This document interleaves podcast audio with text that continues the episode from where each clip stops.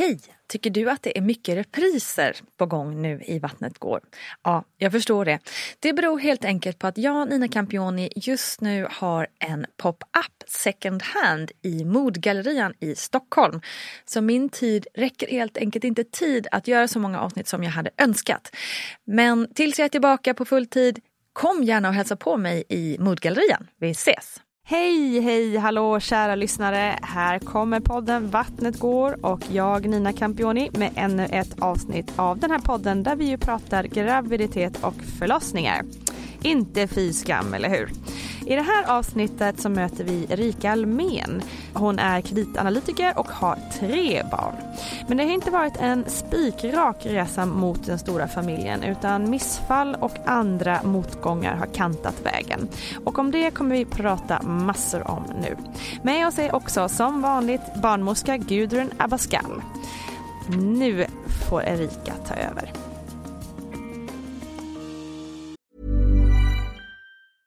Cool fact a crocodile can't stick out its tongue. Also, you can get health insurance for a month or just under a year in some states. United Healthcare short term insurance plans, underwritten by Golden Rule Insurance Company, offer flexible, budget friendly coverage for you. Learn more at uh1.com. Getting engaged is a moment worth cherishing. A one of a kind ring that you design at Blue Nile can help your love sparkle. Just choose your diamond and setting. When you've found the one, you'll get it delivered right to your door. Finding the right engagement ring can be nerve wracking. At Blue Nile, you'll have the expert guidance needed and a diamond guarantee that ensures you're getting the highest quality at the best price. Cherish all of life's moments and save up to 30% at BlueNile.com. That's BlueNile.com. Quality sleep is essential for boosting energy, recovery, and well being. So, take your sleep to the next level with Sleep Number. With a Sleep Number smart bed, you can individualize your comfort level and enjoy a better sleep night after night. JD Power ranks Sleep Number number 1 in customer satisfaction with mattresses purchased in-store. And now the Queen Sleep Number C4 smart bed is only $1,599, a saving of $300 only for a limited time.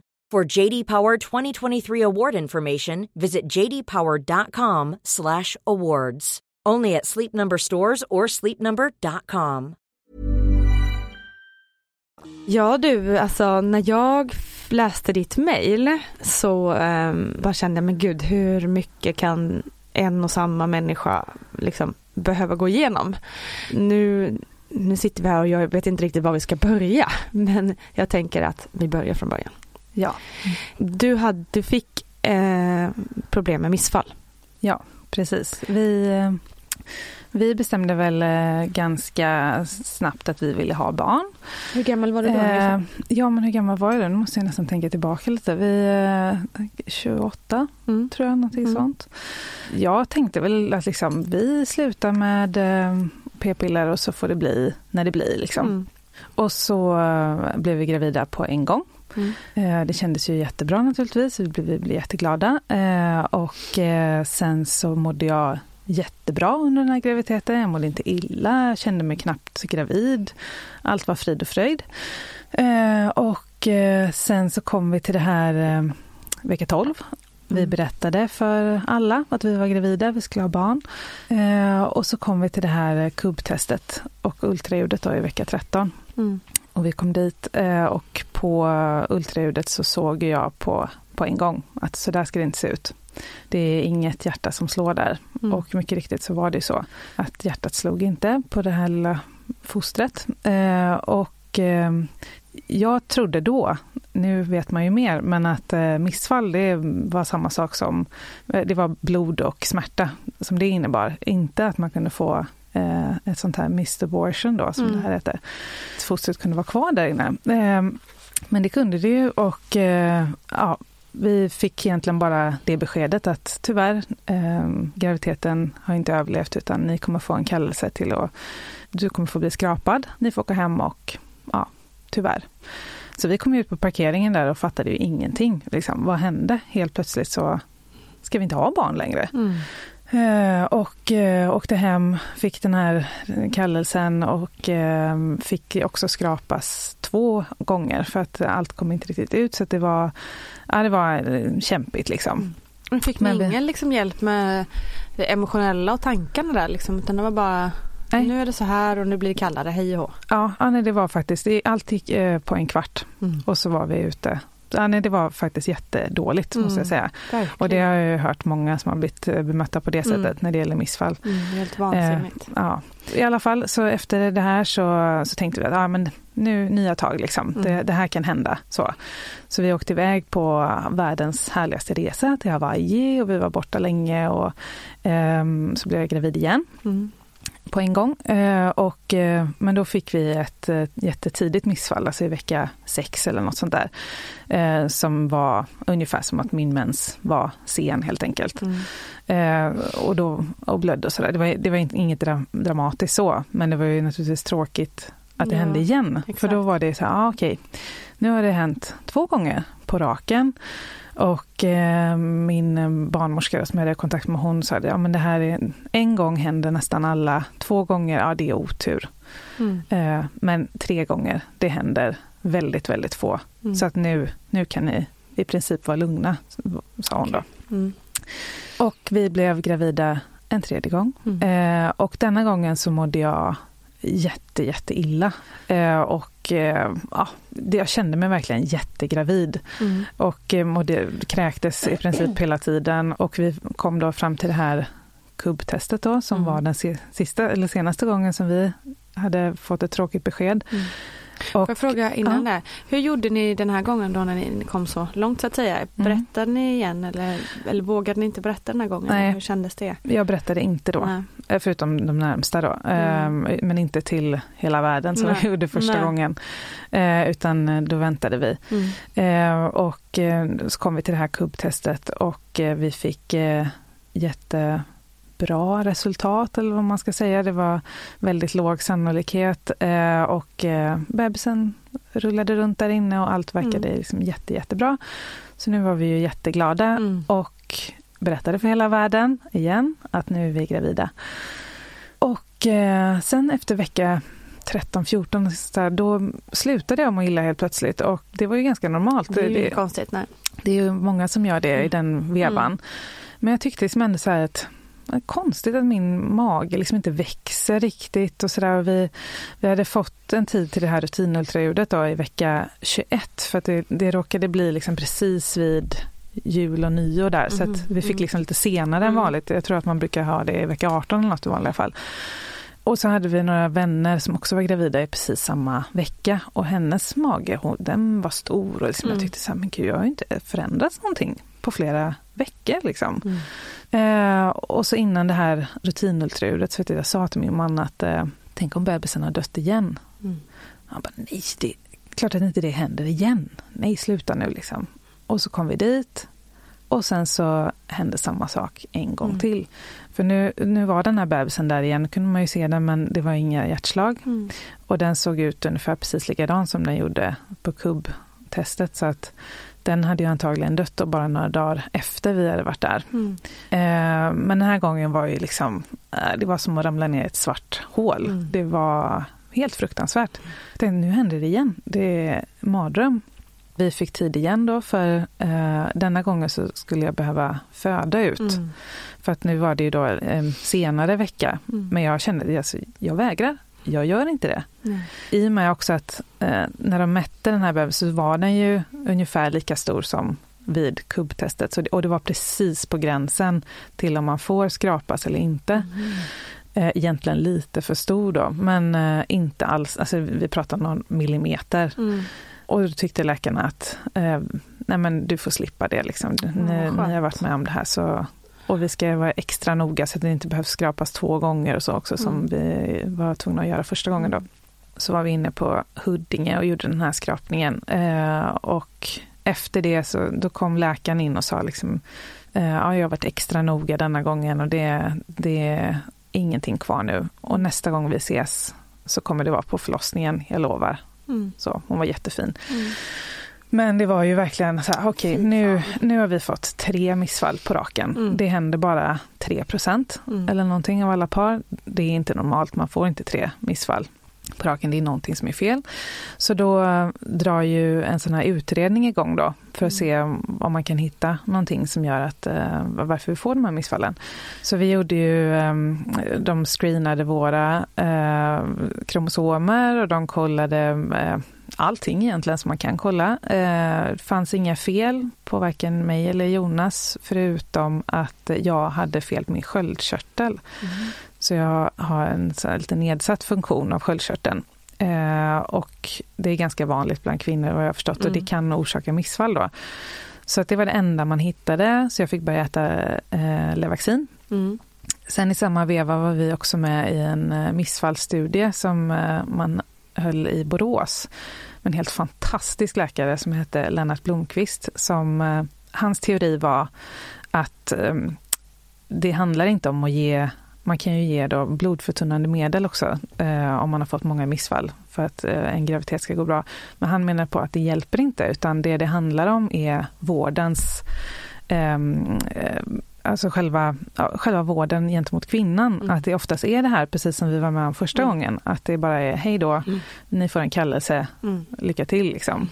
Men att han menar att TLC då, Tender Love and Care är mm. så himla mycket viktigare, eller det är det som allt handlar om. Det är intressant. Mm. Ja, och det var, eh, han var helt fantastisk som sagt, så vi fick ju då eh, må, jättemånga ultraljud och sådär vid nästa graviditet som kom sen hos honom eh, och vi fick också ett, eller jag fick ett mobilnummer till honom eh, som han sa, du kan ringa när du vill, mitt i natten, lördag, söndag är du minsta orolig så kan du bara ringa mig, så kommer jag hjälpa dig. Mm.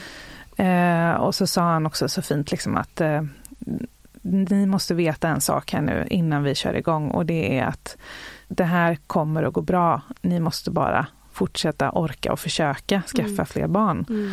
Så att, och just där och då så var ju det, man kände ju att vi kommer ju aldrig få barn. Nej, det, det, var ju det vi mm. trodde. Mm. Men det fick vi ju. Mm. För sen så blev vi gravida med min eh, äldsta dotter Molly som är fem år nu.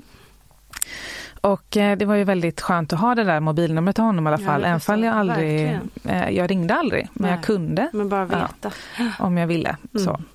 Och jag var ju så fruktansvärt nervös. Alltså mm. det var ju inte, eh, det var ingen härlig graviditet nej, om man säger så. Kan man slappna av överhuvudtaget på de här månaderna? Nej, eh, nej precis. Och, och, eh, och, nu då så blev det liksom, alltså våran gräns pushades ju hela tiden mm. från kubbtestet till rutinultraljudet för att ja, vi hade ju gått den till rutinultraljudet en gång och det mm. hade inte gått bra. Nej. Och jag hade liksom haft en ja, normal graviditet med illamående och allt sånt där innan också. Så att det, det var inget betryggande för Nej, mig. Um, men hur som helst, de här veckorna gick jag mådde lika illa den här gången också. Mådde i och för sig illa längre. Mm. Uh, till vecka 16-17 och sånt där höll jag på att kräkas fortfarande och sådär. Så jag åt ju vaccin då under den här tiden och eh, då gick ju den här graviditeten bra med Molly. Mm. Så att efter rutinultraljudet så då kunde jag börja slappna av lite. Mm då, då började jag njuta av graviditeten för då, då kändes det som att det här kommer ju att gå bra. Liksom. Mm. Vad skönt att du fick det lugnet också. Ja, men det är så många veckor. Alltså, efter 20 veckor, det är, så här, det är fem månader som mm. man går runt och bara har ångest. Liksom. Ja, nej, det är hemskt. Ja. Men så det gick ju bra och eh, jag var gravid eh, jättelänge. Jag mm. gick 16 dagar över tiden med henne.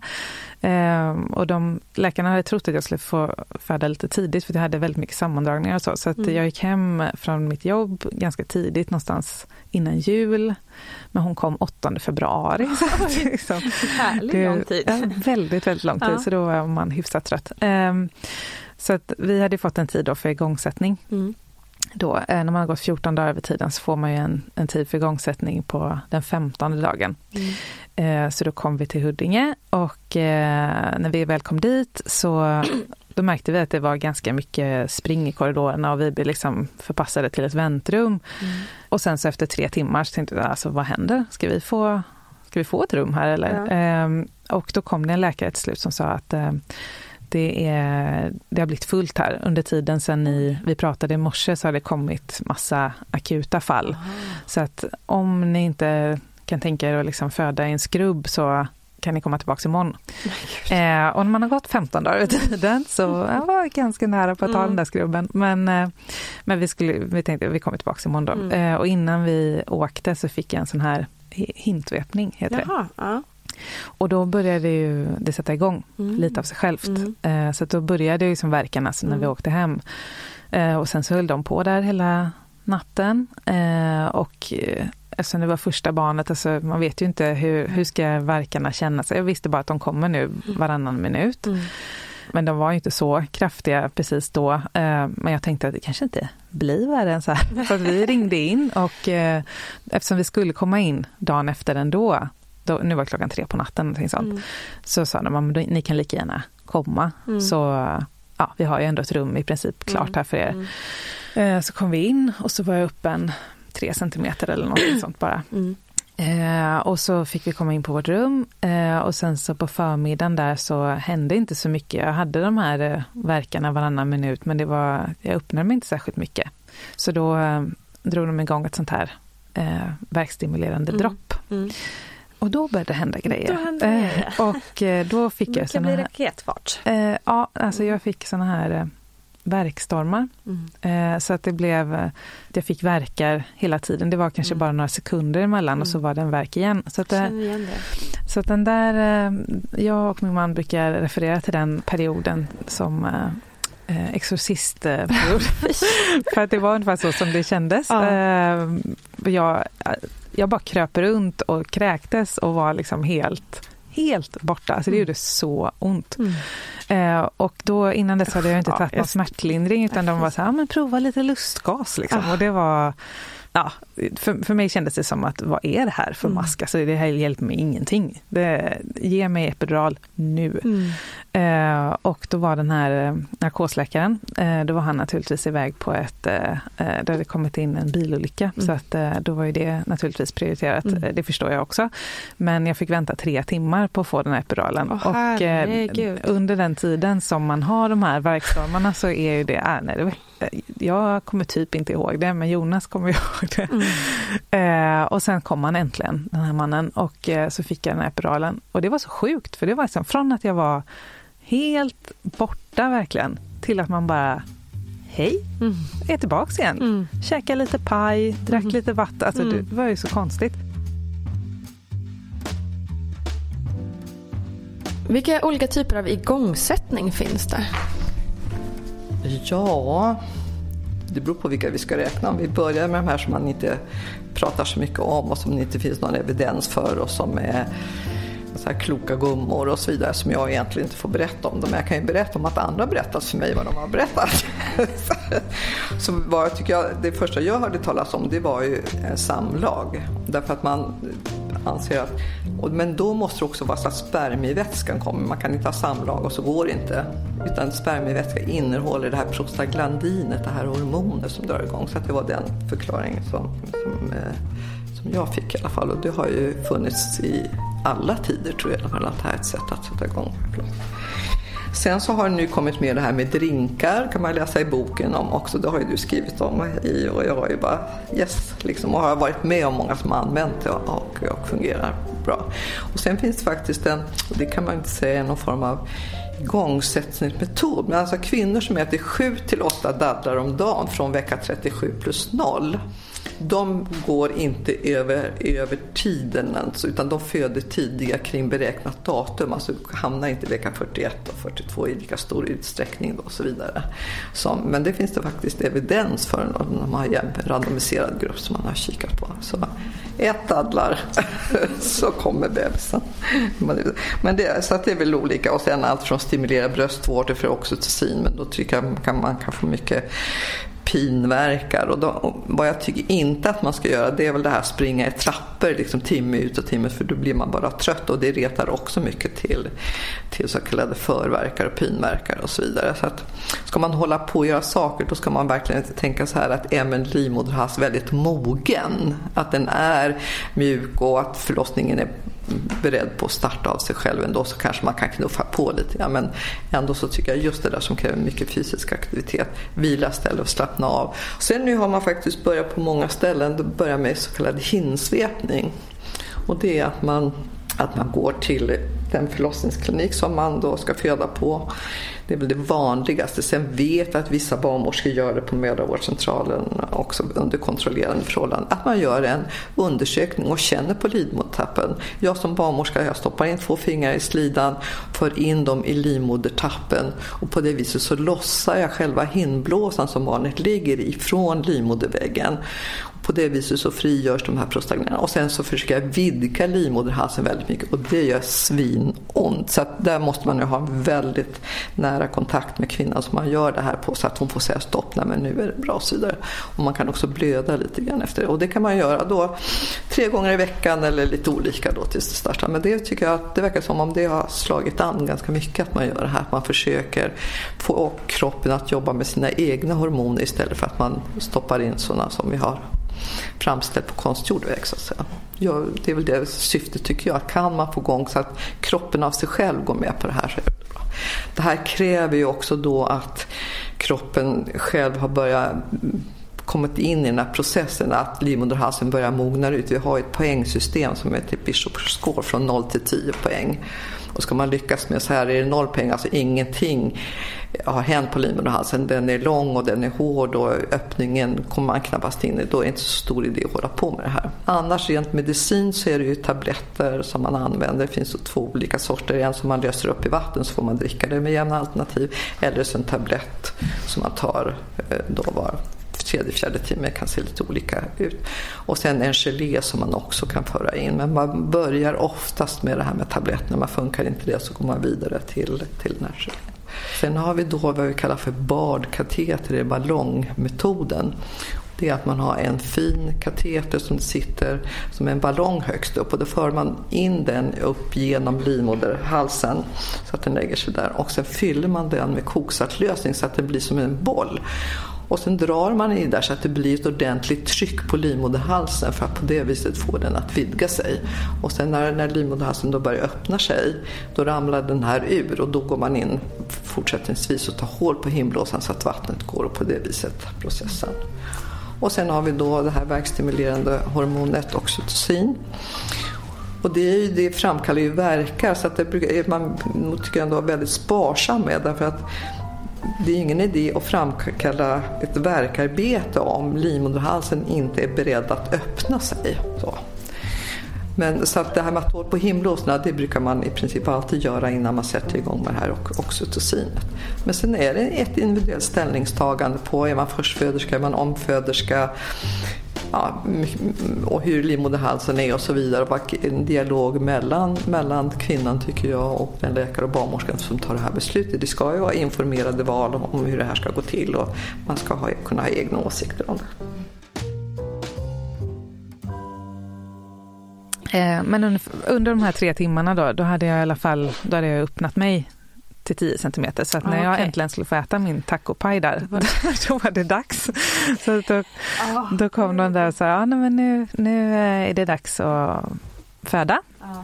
Eller dags att krysta. Då krystade jag. Ja, med epidural så är det ganska svårt att känna ja, de här krystverkarna tyckte jag. Så det var liksom, jag tyckte bara jag låg och mm spände mig allt vad jag mm. hade liksom hur länge som helst. Och det var och där kan vi flika in, för det är ofta många får höra, är det för sent att få epidural? Ja. Vilket är egentligen fel uttryck, har jag fått lära mig då ja. av Gudrun också. Att man säger kanske det när man är så här i i liksom 8 cm, 9 cm öppen. Mm. Och det är inte för att vara så här elak eller så men det är för att, det, att man är nästan färdig liksom. Ja. Och att man sen då epiduralen kan försvåra vid själva kryst. Ja, och så arbetet. tror jag att det blev, krystarbetet tog ju liksom tre timmar då. Mm. Så det blev ju ganska utdraget. Mm. Eh, och eh, då jag fick feber och det var liksom massa konstiga grejer som hände. Mm. Jag tror jag somnade mellan verken så också för det hade varit så himla lång mm. Eh, förlossning allt som mm. allt. Liksom. Ja, så det varit upp hela natten liksom. Ja, och sen så, men sen så var det som när, när huvudet var liksom lite ute, då vet jag att de sa så nu kan du känna liksom mm. håret på huvudet. Mm. Eh, och då blev jag liksom taggad, ja men nu, nu är hon ju där, alltså, mm. hon är halvvägs mm. ute. Ja. Och sen så var det som några krystar till och sen bara flurp. Alltså, det är så sjukt, det är som mm. en kalv känsla. som, eller vad säger jag, en kossa som kalvar. Ja. Så, ja, hela bebisen bara kom ut på en ja. gång. Så Jonas ropade, ja, hela hon kom ut. Mm. Eh, nej, det var helt fantastiskt när hon väl kom. Alltså hon var ju så sjukt efterlängtad. Mm. Eh, och eh, ja, nej, det var helt magiskt. Mm, Helt magiskt. Ja, men sen så levde vi lyckliga där i vår lilla bebisbubbla liksom. Ja. Ja, när Molly var lite drygt två år så tänkte vi att vi skulle eh, skaffa syskon. Mm. Vi hade ju blivit gravida så lätt hela tiden. Mm. Men denna gången när vi skulle eh, skaffa vårt andra barn då, då, då blev jag inte gravid på första Mm. försöket. Och det kändes ju så här, va? Vad är det här nu helt plötsligt? Och jag tror det krävdes, alltså, och det, vilket är ingenting, men kanske fem försök Mm. innan vi blev gravida. Mm. Och det är ju verkligen ingenting. Men, Nej men för eh, er så var det ju ja. såklart det. Ja, och då Mm. kändes det som, men gud, vad är det som händer nu liksom? Mm. Och så blev vi gravida med Elliot då. Eh, och eh, det var ingenting under graviditeten egentligen som kunde eh, på något sätt förstå att det var något som var annorlunda. Mm. Vi gjorde kubbtest. Det var bra inom citationstecken, eh, bra resultat. Eh, det var inga konstigheter. Vi, jag gjorde ett sånt där tillväxtultraljud. Då såg man att han var, och det var mycket senare då, i, Mm. i vecka 33 eller något sånt där. Mm. Och det gjorde vi egentligen bara för vår missfallshistorik, Mm. liksom att vi skulle få lite fler ultraljud. Eh, och eh, då såg man bara att han var kanske lite mindre än vad man hade trott, men inte mycket. Som han, han beräknades väga egentligen kanske runt 3,9 kilo, så Ja. vägde han 3,3 eller något. Ja, Alltså, så det var är ju inte så, ovanligt. nej. Får jag Ja. fråga också innan vi går Mm. vidare, hur kändes det nu liksom på grund av missfallshistoriken? Eh, hur, hur orolig var den, den här andra graviditeten så att säga? Inte alls lika Nej. orolig. För att då kändes det som att nu har vi ju barn. Mm. Nu har vi ett barn. Så att det är liksom, nu kan vad som helst hända. Mm. Vi vet att vi kan få barn. Mm. Så att det, det är jättekonstigt att det, liksom, att det blir så. Att man helt plötsligt så tycker, eller oroar man sig inte alls på samma sätt. Men det är ju jätteskönt. Eh, Det är klart man Alltså, oroar sig ändå för det är ju mm. Jo, det jobbigt gör- att få missfall. det gör men, man det, ju, är- ja, tror jag, överlag liksom, även om Ja. man inte har den historiken. Men Mm. eh, men inte på skönt samma att sätt. det inte blev liksom, jag kan tänka mig att det nästan blir att man blir begränsad i det, i sin oro. Mm. Liksom. Ja men precis, nej men det var faktiskt inte alls på samma sätt och jag tror jag tvingade mig själv också att nej men nu, jag kan inte gå runt och liksom vara så orolig och må dåligt i Nej. ett halvår liksom, eller fem månader innan jag kan slappna av denna Nej. gången också. Eh, och sen så eh, gjorde vi ju, ja, men alla de här ultraljuden, allt såg fint ut. Man kunde till och med se att han hade jättemycket hår på huvudet. Mhm. På, han föddes med sju centimeter långt hår. Oj, han- sju? Ja, Jösses. så det var jätte, jättemycket hår. Han har fortfarande Wow. jättemycket hår på huvudet. Men ingenting under graviditeten eh, kunde liksom avslöja att det var någonting annorlunda med Elliot. Mm. Eh, och jag gick över tiden igen, 16 dagar en gång till med honom. Och det var inget konstigt heller då eftersom eh, jag hade gjort det första gången. Mm. Eh, och då fick vi tid för igångsättning. Eh, och vi kom in där och jag fick ta de här shotten då som man får. Ingenting hände eh, direkt. Jag fick lite sammandragningar men inga verkar sådär. Det var ganska regelbundna sammandragningar. Och då har man ju sån där CTG på sig. Mm. Och då kunde de se att Elliots hjärtljud gick ner varje gång som jag fick en sammandragning. Mm. Eh, så de kom in och sådär, men lägg dig på det här sättet och lägg dig lite så. För de tänkte liksom att hans eh, att navelsträngen var i kläm på Mm. något sätt. Eh, varje gång som livmodern drog ihop sig så att den skulle ja, stoppa till på något sätt. Men det hjälpte liksom inte. Och eh, då när jag var där så var jag, var inte alls orolig liksom över det utan jag tänkte bara, ah, nej, men det är väl, så här kan det väl vara. Så. Mm. Och sen så kom det in en läkare och sa att nej, men vi kommer nog behöva göra ett kejsarsnitt för att vi vill inte riskera vad som händer. Eftersom hans hjärtljud går ner hela tiden nu när du bara har sammandragningar, Mm. hur kan det bli då när, när du väl får ett verkarbete? Mm. Och jag blev så ställd för jag, hade inte alls, jag var inte alls inställd på att eh, det skulle bli ett snitt. Liksom. Det, det kopplade jag till att, någonting, att det skulle vara något dramatiskt liksom, under själva förlossningen. Eftersom jag hade fött vaginalt innan så men det fanns liksom inte riktigt med i min världsbild att det skulle bli ett snitt. Mm. Men så självklart så blir man ju så här, ah, ja, nej, men det, naturligtvis, Ja, det är klart att vi ska Mm. göra ett snitt. Om inte han mår bra så, Mm. så ska vi göra det nu. Liksom. Mm. Så vi fick komma in efter, eh, jag tror de sa så här, inom två timmar så kommer vi göra det och sen så fick vi en tid direkt nästan efter en kvart eller något sånt. Mm. Men då tyckte jag att det var rätt jobbigt för att jag hade liksom inte läst på riktigt om Nej, hur snitt går till och liksom sådär. Det är ju dumt i och för sig, det är klart man ska göra det men det, jag tänkte inte så Nej. då. Um, om man var tvungen att ta den här bedövningen i ryggen och man fick ligga, alltså jag var ju vaken då under mm. snittet. Och de, man fick ligga där liksom som på kors kändes det som nästan, armarna ut liksom på något sätt och så upp med den här duken. Och, och någonting som jag hade önskat att jag hade vetat om snitt, det var ju att eh, det är som att vara hos tandläkaren. Alltså att man känner, man känner ingen smärta, men man känner ju att någon håller någonting. på no mm. med något. Liksom. Mm. Så man känner ju hur de mm. drar i huden och sådär. Mm. Det var ganska obehagligt tyckte mm. jag. Men så plockade de ut honom då. Och han skrek och ja, precis som det ska vara. De sa ja, nu kommer du höra ett litet sörpelljud när vi suger upp vattnet och, och så. Så plockade de upp honom och han fick ligga uppe vid mig och han skrek och var liksom Ja men precis som vilken bebis som helst mm. egentligen. Och så fick Jonas gå iväg eh, och de mätte och vägde honom och sådär och han var, ja men som alla nyfödda bebisar, mm. jättearg och mm. skrek och var röd och sådär. Mm. Eh, och sen fick jag åka iväg till det här uppvaket då. Eh, och fick komma ner till dem sen och då sov Elliot. Eh, och jag tyckte sen när jag lyfte över honom till mig liksom att gud vad han är klen liksom. Han är så himla, han var liksom ingen styrsel i han riktigt. Mm. Han var så himla svag eh, och kändes som att han inte hade liksom någon kontroll. Han var lite som en trasdocka sådär. Mm. As a person with a very deep voice, I'm hired all the time for advertising campaigns. But a deep voice doesn't sell B2B, and advertising on the wrong platform doesn't sell B2B either. That's why if you're a B2B marketer, you should use LinkedIn ads. LinkedIn has the targeting capabilities to help you reach the world's largest professional audience. That's right, over 70 million decision makers all in one place. All the big wigs, then medium wigs, also small wigs who are on the path to becoming big wigs. Okay, that's enough about wigs. LinkedIn ads allows you to focus on getting your B2B message to the right people. So, does that mean you should use ads on LinkedIn instead of hiring me, the man with the deepest voice in the world?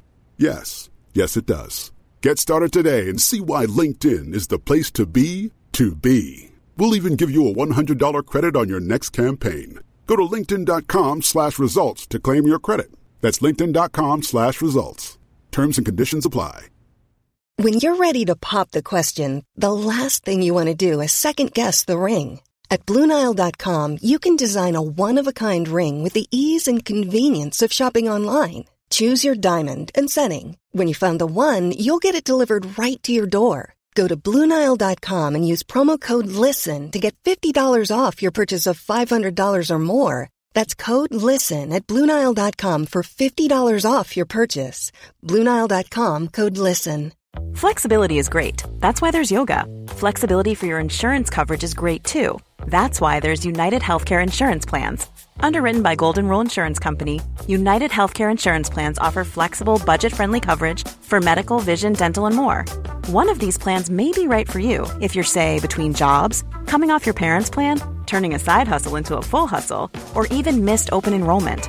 Want more flexibility? Find out more about United Healthcare Insurance Plans at uh1.com. Quality sleep is essential for boosting energy, recovery, and well being. So take your sleep to the next level with Sleep Number. With a Sleep Number smart bed, you can individualize your comfort level and enjoy a better sleep night after night. JD Power ranks Sleep Number number 1 in customer satisfaction with mattresses purchased in-store. And now the Queen Sleep Number C4 smart bed is only $1,599, a saving of $300 only for a limited time. For JD Power 2023 award information, visit jdpower.com/awards. Only at Sleep Number stores or sleepnumber.com. Och eh, dagen efter, då, för han är född mitt på natten, då sov han fortfarande. Och eh, sjuksköterskorna där, barnmorskorna, de tyckte liksom att men nu borde han liksom vakna till lite, mm. för nu mm. kan det vara att han är så trött, för han hade ju inte ammat ingenting. Mm. Liksom. Sovit hela natten nästan. Och bara sovit, sovit, sovit, sovit. Eh, att nu är nog hans blodsocker väldigt lågt. Precis. Så att nu måste han få i sig någonting. Mm. Och jag hade ju ammat min, eller Molly då, väldigt länge, så jag var väldigt säker på att det skulle gå bra med, am mm. med amningen. Mm. Så jag försökte där liksom, och han ville inte ta bröstet. Han var liksom inte ens, inte ens sugen mm. överhuvudtaget på det. Mm. Liksom. Eh, och så till slut så kom de in liksom med så pumpar och flaskor och grejer och jag tyckte så här, nej men gud, nej, men kan, vi kan inte börja med någon flaska, nu kommer det förstöra mm. amningen här. Mm. Och, för jag fattade inte riktigt att det var liksom att de var oroliga på något sätt. Nej, okay. Jag tyckte ju att han var väldigt slapp och slö. Mm. Eh, men jag tänkte ändå att så kan det vara kanske Mm. efter ett snitt. Mm. Han kom inte liksom ut på det rätta sättet eller så. Mm. Han kanske inte var beredd. Så. Men sen var det en barnmorska som sa till mig så här, "Ja, men Erika nu är det inte viktigt liksom det här med amning eller inte, nu måste han få i sig någonting Mm. på ett eller annat sätt. Eh, och han tar inte bröstet så nu måste vi försöka ge honom en flaska här på något sätt. Liksom. Så Mm. pumpade jag ut och eh, han tog flaskan. Men han piggade ändå inte på sig. Okej. Så han var fortfarande lika trött.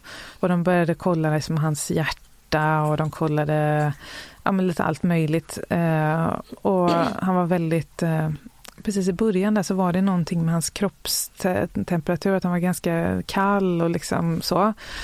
Men de tänkte ändå att ja, vi, vi väntar till läkarkontrollen imorgon. Och då tänkte jag att då så länge vi kommer hem, jag får sitta i lugn och ro hemma, då kommer liksom amningen och allting bli jättebra det här. Liksom. Då kommer han vakna till. Eh, och så gjorde vi den här läkarkontrollen dagen efter.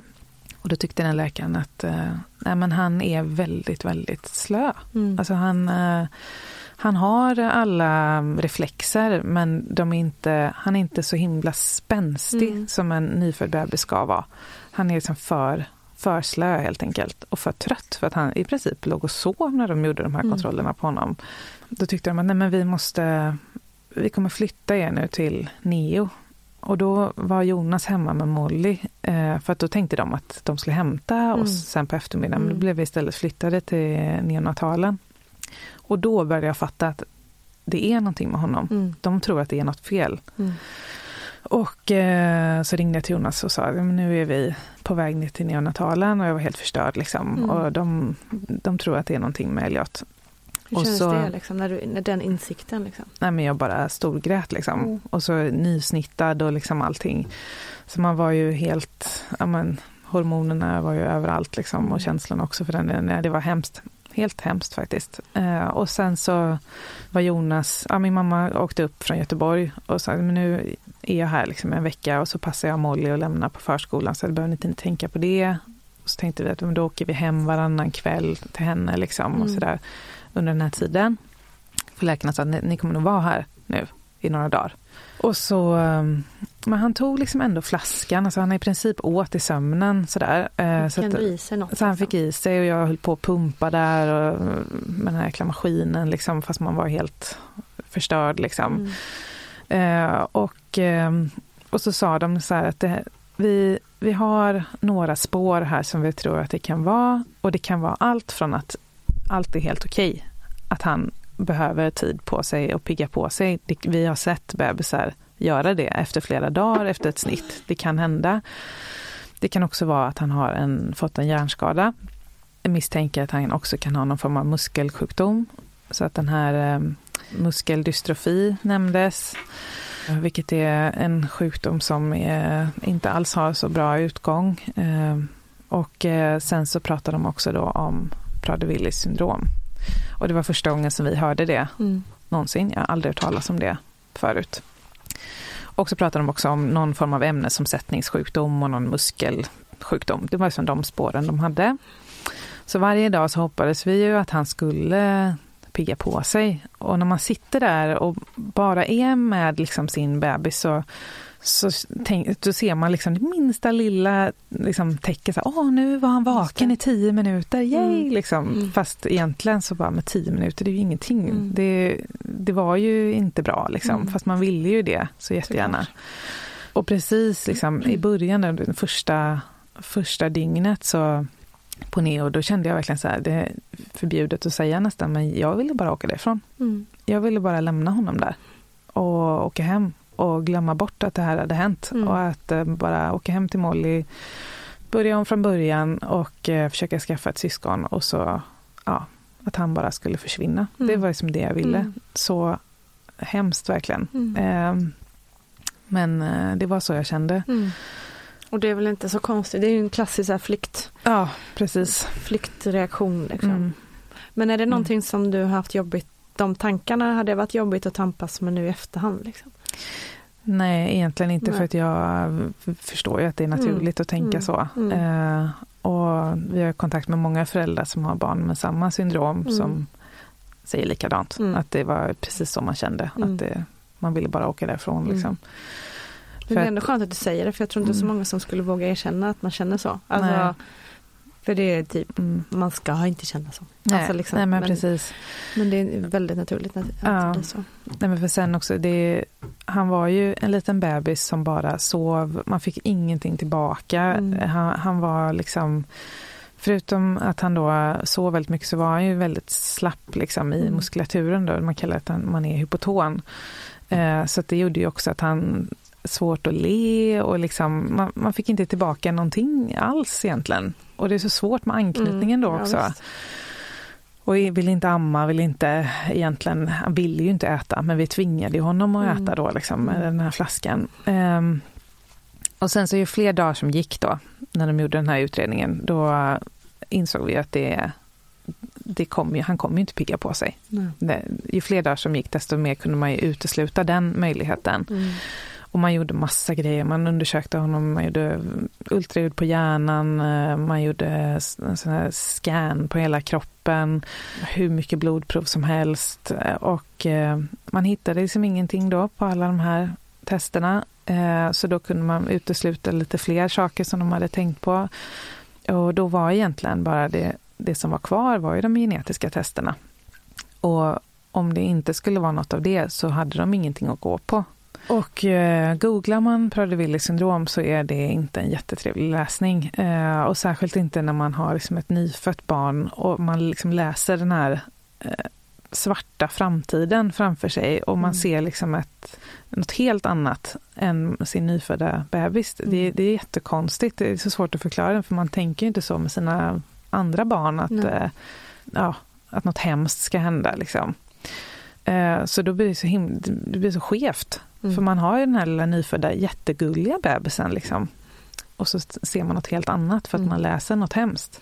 Och eh, Socialstyrelsens hemsida, vi, dit vi blev förpassade att läsa då, där, den är ju jag råder ingen att gå in och läsa där, Mm. för där, är, där tar de upp allting som någonsin har hänt någon med Prader-Willi syndrom. Så det, är- det är ju en, ett syndrom, ett spektrum av jättemånga olika symptom Mm. där absolut inte allt drabbar alla och de sakerna som drabbar eh, personer i fråga blir ju är också ett spektrum. Det kan vara väldigt lätt till att det kan vara väldigt eh, Mm.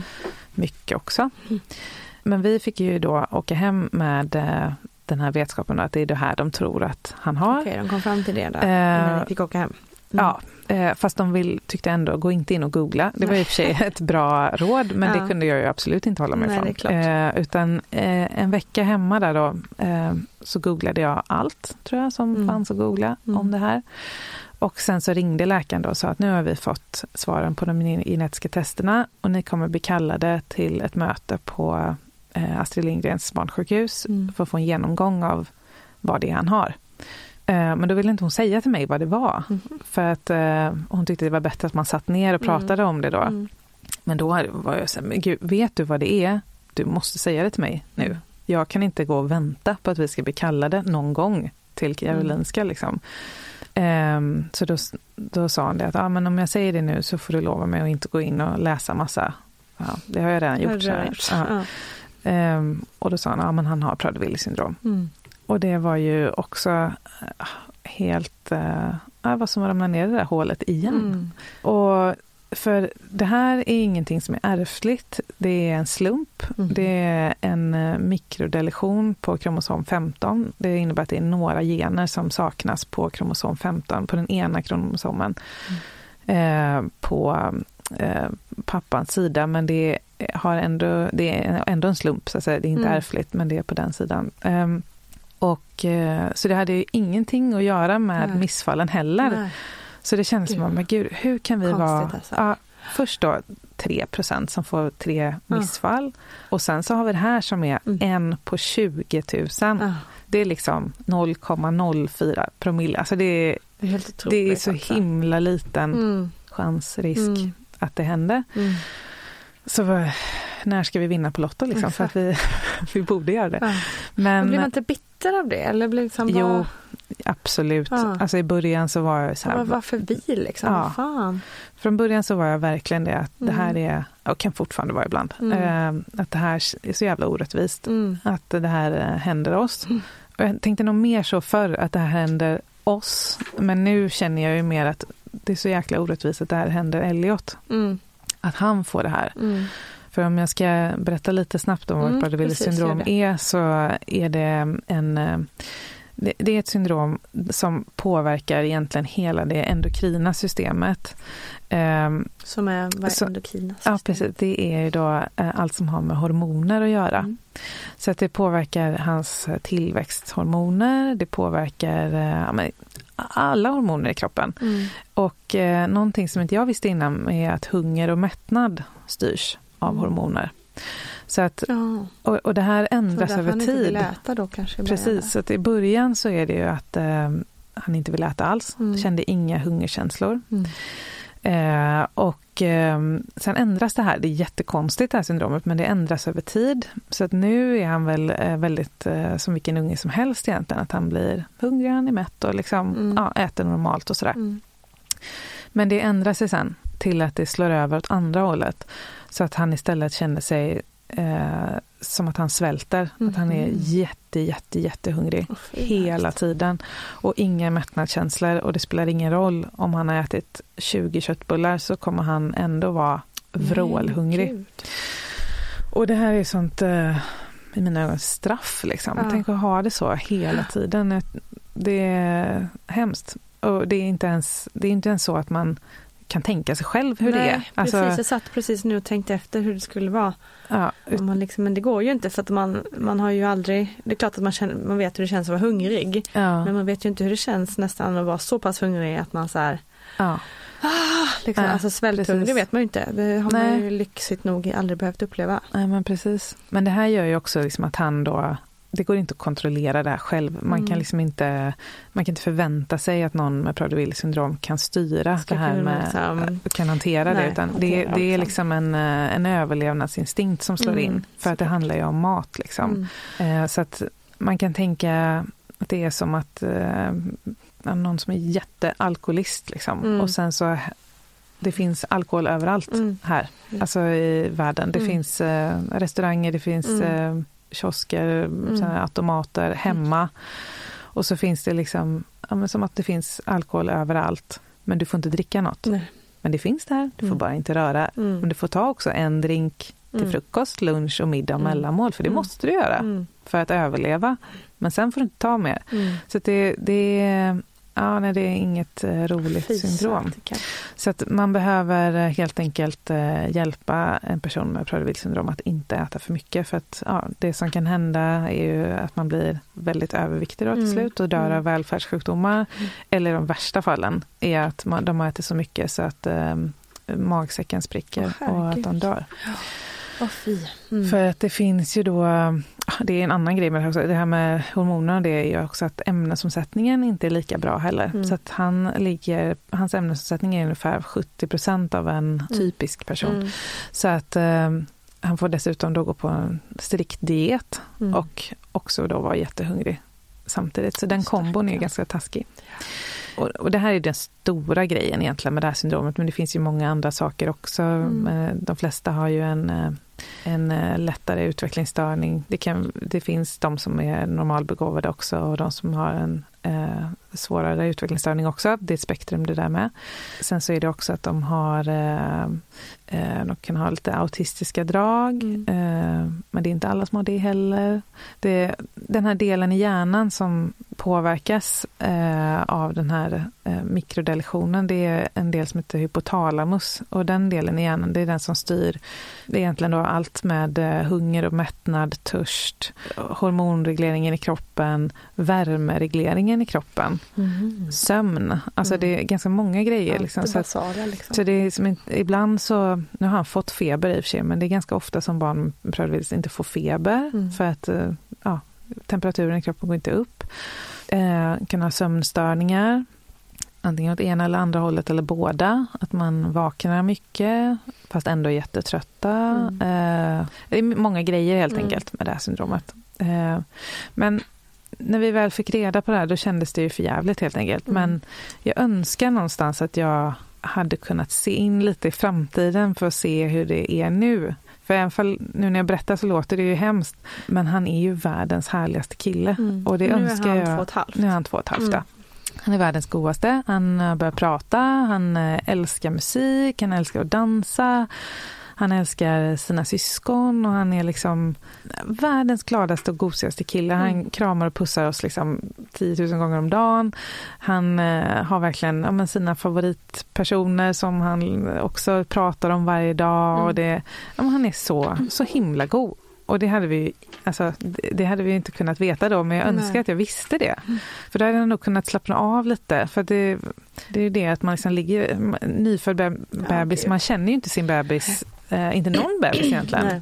Det var därför det känns så konstigt att läsa helt plötsligt om så här kommer det bli mm. för den här lilla bebisen. Mm. Eh, men då önskar jag att jag kunde ha sett in i framtiden och se hur, hur god han är nu. Mm. Han är ja, jätte, jättehärlig kille, verkligen.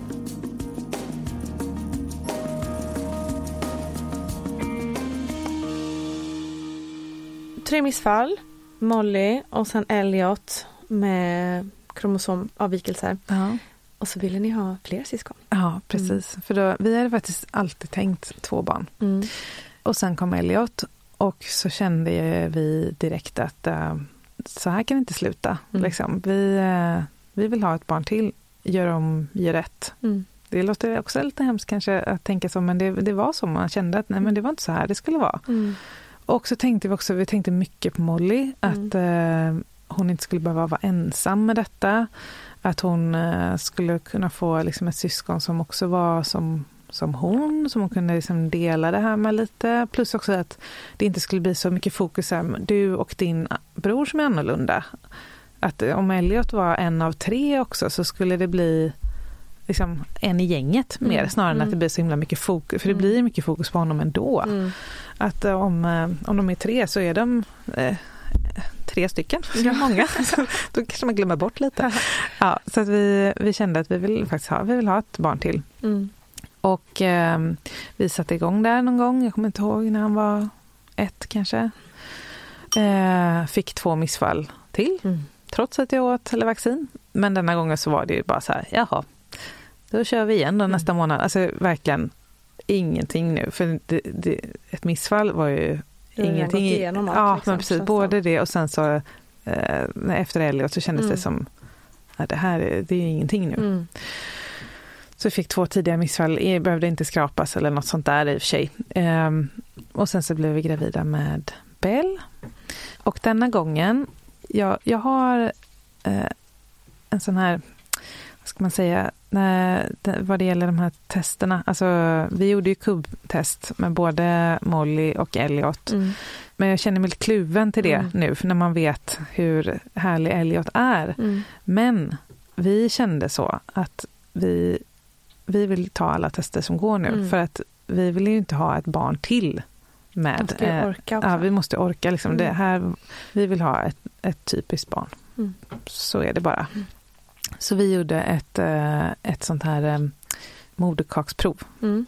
För att det är det enda man kan göra. Mm. NIP-test sa de till oss att det är inte lika säkert. Nej, man, man, kan göra det men det, det är inte lika säkert. och det är bra ett, att du säger det för det är många som mm. tror att NIP-test man kan se mm. allt och det är hundraprocentigt och, mm. och, så. Men så är det ju inte. Utan det kan ge indikationer och sen så måste man ändå göra ett moderkakstest ja. för, att, för att vara säker. För att vara helt säker, precis. Hur var det att ta det testet då? Eh, det var ju superobehagligt. Mm. Jag hade liksom inte riktigt fattat heller hur man skulle göra det. Jag visste, att, ja, men, jag visste ju att de gick in mm. Jag visste jag det att de gick in från magen. Jag trodde nog att de skulle göra det vaginalt. Ja, det mm. trodde jag nog. Mm. När de kom där med den här långa nålen och mm. bara, det här ska, ju, det här ska ju liksom in genom huden, ja. in genom magen. Mm.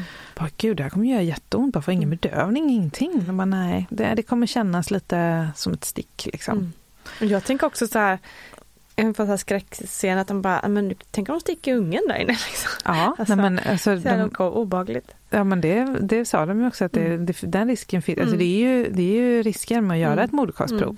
Så det var man ju väldigt eh, Mm. varse om när man låg där att Mm. det här är på ditt, det är du som vill göra det här. Liksom. Ja, fy, ja.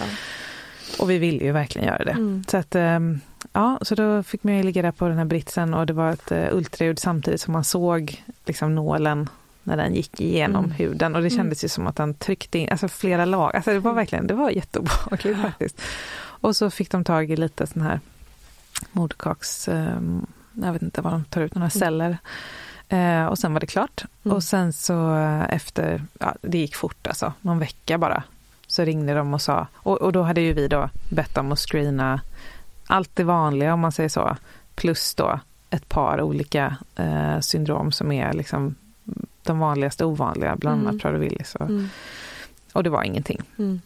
Eh, och de sa ju det också att alltså, sannolikheten att ni får ytterligare ett barn med en slumpvis kromosomavvikelse som Elliot fick är ju helt minimal. Mm. Men just då så kändes det som så att ja, vi är ju den, Ja, den där första gruppen med exakt. missfall och sen så har vi det här Mm. så det kan ju lika gärna hända Mm. liksom. Mm.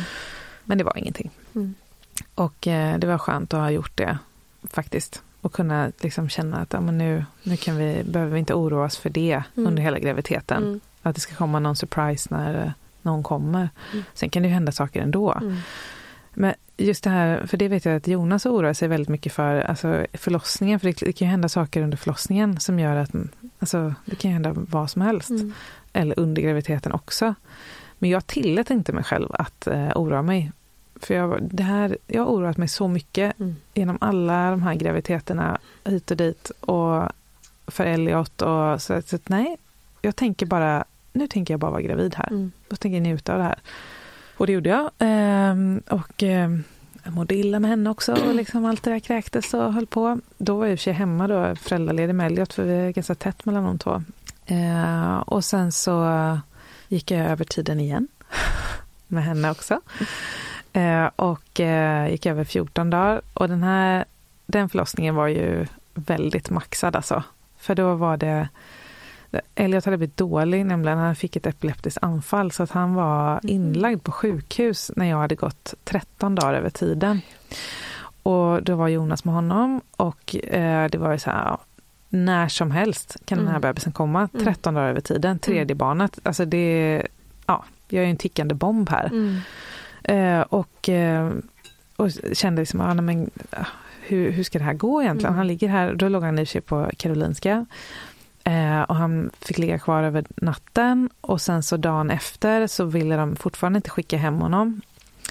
Eh, och då var jag då på, på väg till 14 dagen liksom över tiden. Och på natten så började jag känna att nu, nu börjar det liksom. Mm. Och han är på sjukhuset, Jonas är på sjukhuset, jag är hemma själv och Molly. Hur ska det här gå liksom? Mm. Så då började jag få regelbundna liksom förverkar. Så på morgonen så ringde jag till eh, Karolinska på BB, bara kolla liksom att det fanns plats och så. Mm. Tänkte om han, ligger, om han är på Karolinska då kan han i alla fall, då är vi på samma sjukhus i alla fall. Ja, Liksom. visst, herregud, det vill man ju verkligen. Ja, nej det är fullt här, säger hon då. Nej. Och alltså då jag bara bröt ihop. Jag bara, Mm. nej, alltså jag åker inte till ett annat Nej. sjukhus när mitt barn ligger på ett annat, liksom, det går inte. Eh, och då bara försvann alla verkar. Mhm. Det var stopp liksom. Eh, och min svärmor kom hem till, till oss och, och var så här, ja men jag är beredd och kan passa Molly och så här om du behöver åka taxi in liksom. Mm. Men jag bara, nej men det har försvunnit nu. Mm. Det, det var som att det, Bell eller min kropp så här, kände på sig att nej det är inte läge att komma nu. Mm. Så sen sex timmar senare då ringde Jonas så här, vi kommer få åka hem nu. Eh, de kommer släppa hem oss, så att det, nu, nu är det lugnt liksom.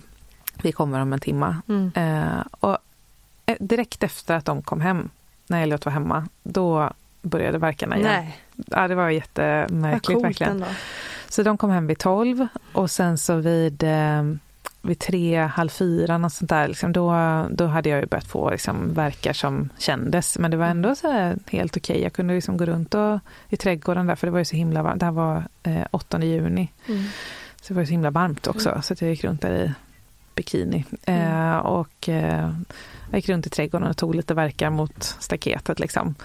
Och sen när klockan var kanske vid fem, halv fem så tyckte jag, då var Jonas jättestressad och bara, men alltså nu kommer de ju jätteofta mm. och så här, och bara, men jag känner ju att det inte är, det är ju inte som exorcistperioden. Ja, så illa är det inte, vi kommer inte behöva åka in än på ett tag. Mm.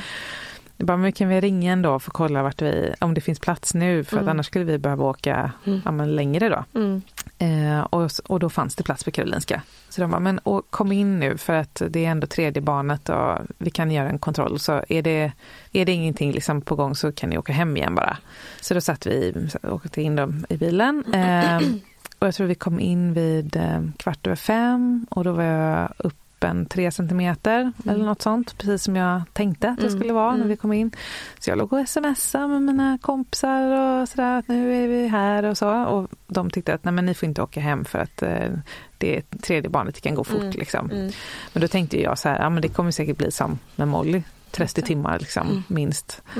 Um, men så sa de att ni behöver vänta lite på ett rum så ni kan ju gå ut och gå en promenad om ni vill. Och då var klockan 10.06 tror jag. Eh, och så gick vi ut och jag tror han går 10 meter eller någonting. Och då gick vattnet, eh, som på film verkligen, splash på marken. Och jag var så här, wow. men gud, alltså mitt vatten gick nu. Mm. Och Jonas blev Åh oh men gud, nu gick i vattnet. Och efter det, alltså de verkarna som kom, det var helt sjukt. Jag kunde knappt gå tillbaka igen. Och de, de, de kom direkt? Liksom. Direkt, pang. Och, och de såg ju det liksom att okej, okay, nu är det på gång här. Mm. Så då mm. fick vi komma in i något sånt där extra rum som mm. de hade där vid sidan av. Um, och jag hann inte ens få av mig min klänning, alltså ingenting och bara fick monsterverkarna.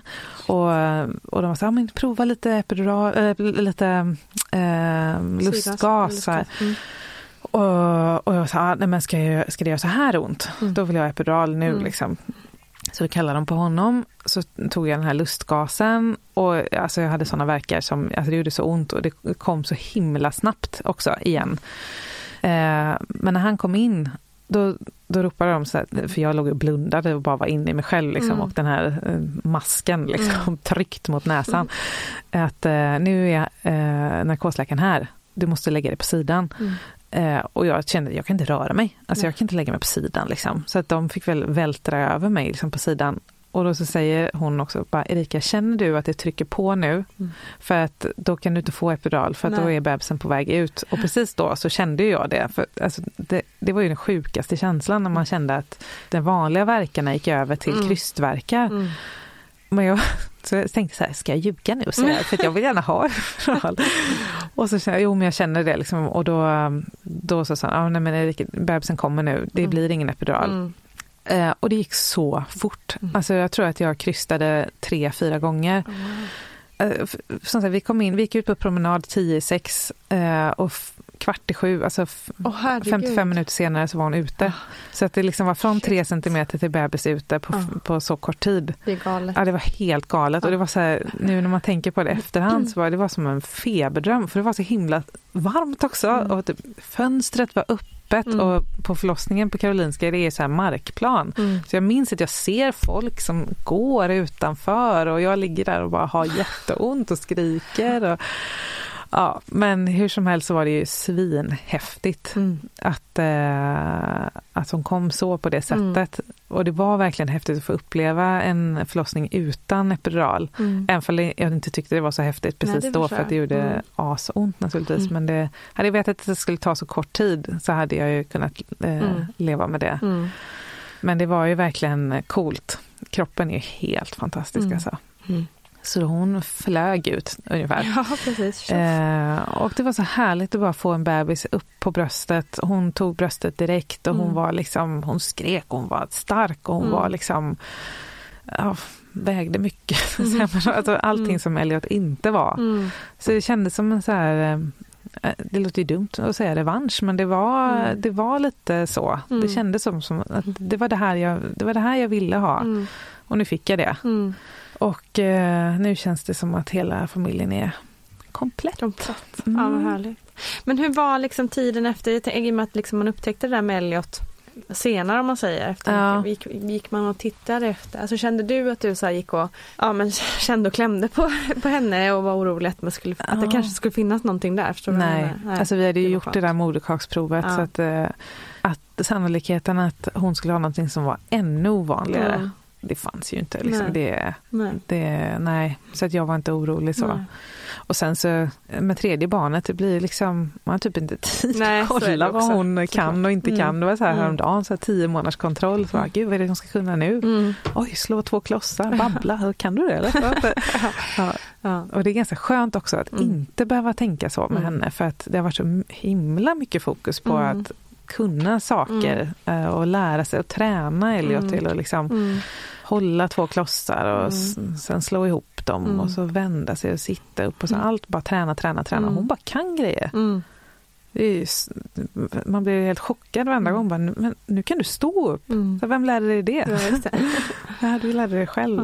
Hon läser väl Elliot nu då. Ja, Mm. precis. Ja, så det, ja, nej, det är faktiskt eh, fantastiskt. Mm. Shit vad du har varit med om här då.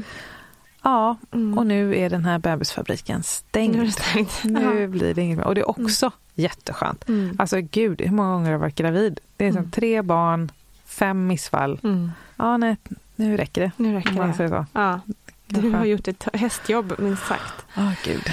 Du, har du något eh, tips eller råd till eh, någon annan som kanske, ja men som eh, antingen upptäckt under graviditeten att man har kromosomavvikelser eller får reda på Mm. det när man har fått sitt barn? Alltså om man får reda på det under graviditeten så eh, då skulle jag nog vilja säga att det, det blir inte så hemskt som man tror. Mm. Även fall det är jag fattar ju precis när man är där och då Mm. att det här är det värsta man kan höra, för det tyckte Mm. jag också. Mm. Men eh, det, det blir inte så hemskt. Och Google är, är bra och inte bra. Mm. Alltså det, man ska vara väldigt selektiv Mm. med vad man läser. Mm. Men kanske också att man ska försöka komma i kontakt med någon som, eh, som har ett barn med samma syndrom. Eller, eller inte, eller något annat syndrom. Det spelar Mm. egentligen ingen roll för det är Mm. samma resa. Ehm, och, så det är väl rådet egentligen till den som har fått reda på det när barnet har kommit också. Eh, och kanske gå in och liksom se det finns ju faktiskt eh, ett par kändisar liksom nu som också har barn som har ovanliga kromosomavvikelser som Elaine Eksvärd och Mm. eh, sådär som man faktiskt också kan gå in och liksom titta lite på Instagram Mm. och följa den här hashtaggen inte så konstigt som Mm. hon skapade för Mm. den, den är väldigt positiv Mm. faktiskt. Mm. Man, ja, det är inte så konstigt Nej. egentligen. Nej. Så. Det blir, blir ens vardag. Mm. Det kommer bli bra helt enkelt. Mm. Härligt. Bra sätt att avsluta på. Ja. Tack så mycket. Tack. Tusen, tusen tack Erika Almen för att du ville dela med dig av din långa resa mot eh, det härliga gänget i familjen. Tack också till dig som har lyssnat. Hoppas att ni vill vara med oss även på Facebook, Instagram och nyhetsbrevet och varför inte köpa en bok till exempel. Vattnet går finns ju också som bok. Vi hörs snart igen. Puss och kram. Hej då.